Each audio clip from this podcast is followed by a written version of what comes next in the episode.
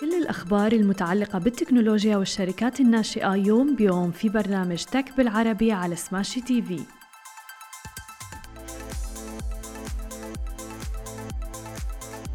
صباح الخير. عناوين اليوم إيلون ماسك يبيع أسهمه في Tesla و Snap تفتتح مكتب في قطر وانخفاض سهم Coinbase يا أهلا وسهلا فيكم ببرنامجكم Tech بالعربي معكم أنا هالة بسام ومعنا بخلف الكواليس علي.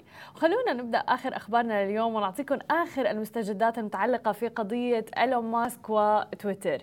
باع إيلون ماسك أسهم تصل قيمتها إلى 6.9 مليار دولار من أسهمه في شركة تسلا فيما يعد أكبر عملية بيع أسهم بيقوم فيها الملياردير الأمريكي على الإطلاق.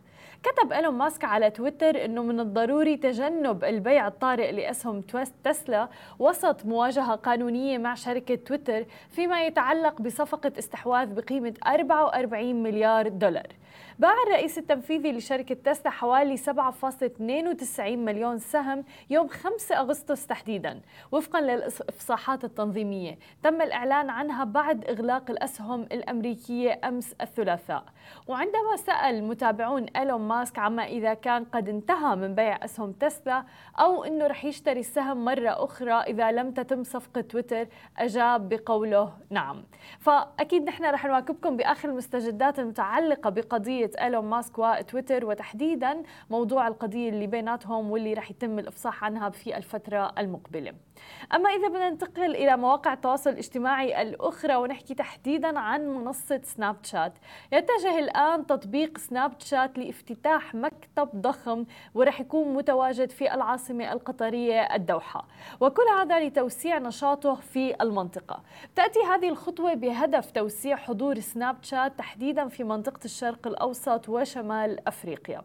ووقعت الشركة مذكرة تفاهم مع مكتب الاتصال الحكومي في قطر لافتتاح مكتب جديد في الدوحة. وبيأتي هذا الافتتاح وتحديدا افتتاح المكتب الجديد في إطار جهود سناب شات الرامية لدعم مجتمعها النشط والشركات المحلية أيضا في قطر ومنحهم فرص قيمة. كما تعكس أيضا الخطوة بحسب مسؤولين في الشركة التزامها بالعمل عن كثب مع شركائها المحليين تحديدا ودفع عجلة تطوير المشهد الرقمي تحديدا في قطر. ورح يشرف فريق القيادة لشركة سناب شات في منطقة الشرق الأوسط وشمال أفريقيا على إدارة المكتب وبيعتزم أيضا توظيف فريق عمل لإدارة العمليات المحلية. وبتختص شركة سناب بالتواصل من عبر أدوات الكاميرا الإبداعية المتنوعة بزيد عدد مستخدميها أيضا عن 190 مليون مستخدم يوميا. وتؤمن بأنه ابتكار مفاهيم جديدة للكاميرات يمثل فرصة مثالية لتحسين طريقة عيش الناس وأيضا أسلوبهم في التواصل تحديدا عبر مواقع التواصل الاجتماعي Okay, guys, we love smashy business news, but Augustus Media is much more than that. That's right, we are a content house, and along with Smashy, Augustus Media creates heaps of content, like the Love in Dubai show. I'm Casey, that's Simran. We're your hosts of the Love in Dubai show.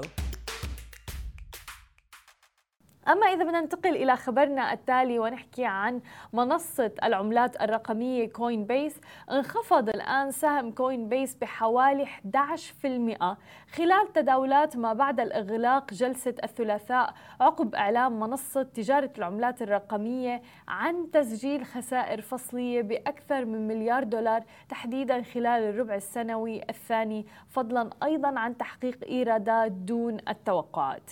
وكشفت أيضا الشركة عن تسجيل خسائر بنحو 4.98 دولار لكل سهم مقابل توقعات محللين أشارت إلى تسجيل خسائر قدرها 2.65 دولار لكل سهم.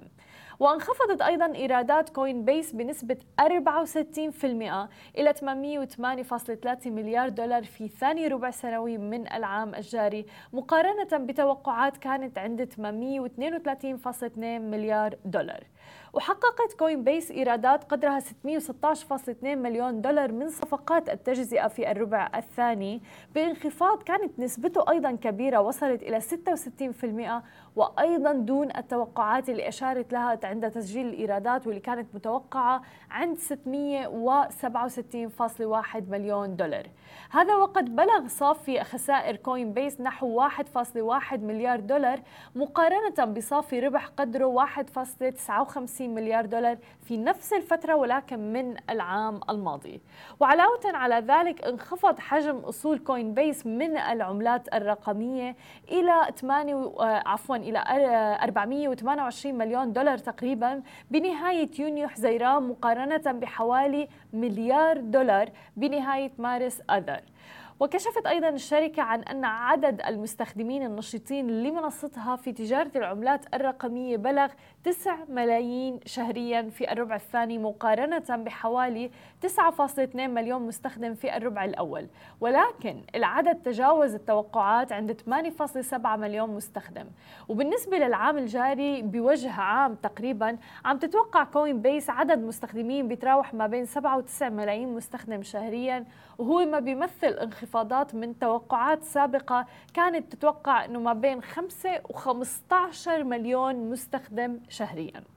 أما إذا بدنا ننتقل إلى خبرنا الأخير لليوم وأيضا نحكي عن عالم المدفوعات المالية وأيضا الرقمية قالت الآن مارتا الشركة السعودية المختصة تحديدا في خدمة نقاط البيع أنها حصلت على ترخيص البنك المركزي السعودي كشركة مدفوعات إلكترونية.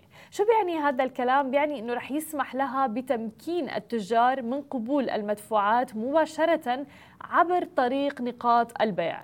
وبتوفر مارتا نظام الدفع الرقمي لتزويد التجار بحلول موثوقة وأيضا آمنة تسمح لهم بقبول جميع بطاقات الدفع الإلكترونية بكفاءة من خلال أجهزة نقاط البيع في السعودية.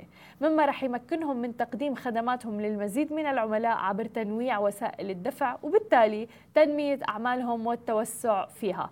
أيضا من القطاعات اللي دائما عم تنمو عم نشوف نمو كبير فيها وواسع في منطقتنا العربية وتحديدا بالفترة الأخ... الأخيرة آه، قطاع الفنتك الرقمنة المالية ورقمنة الخدمات المالية. طبعا كلياتنا فعلا عم يعني حتى أسلوبنا وسلوكنا اليومي تغير بهذا المجال. فعلا صرنا نتجه إلى الدفع الرقمي أكثر من الكاش مثلا وتحديدا حتى بعد آه، جائحة كورونا اللي سرعت عملية التحول الرقمي في المدفوعات والأمور المالية أيضا.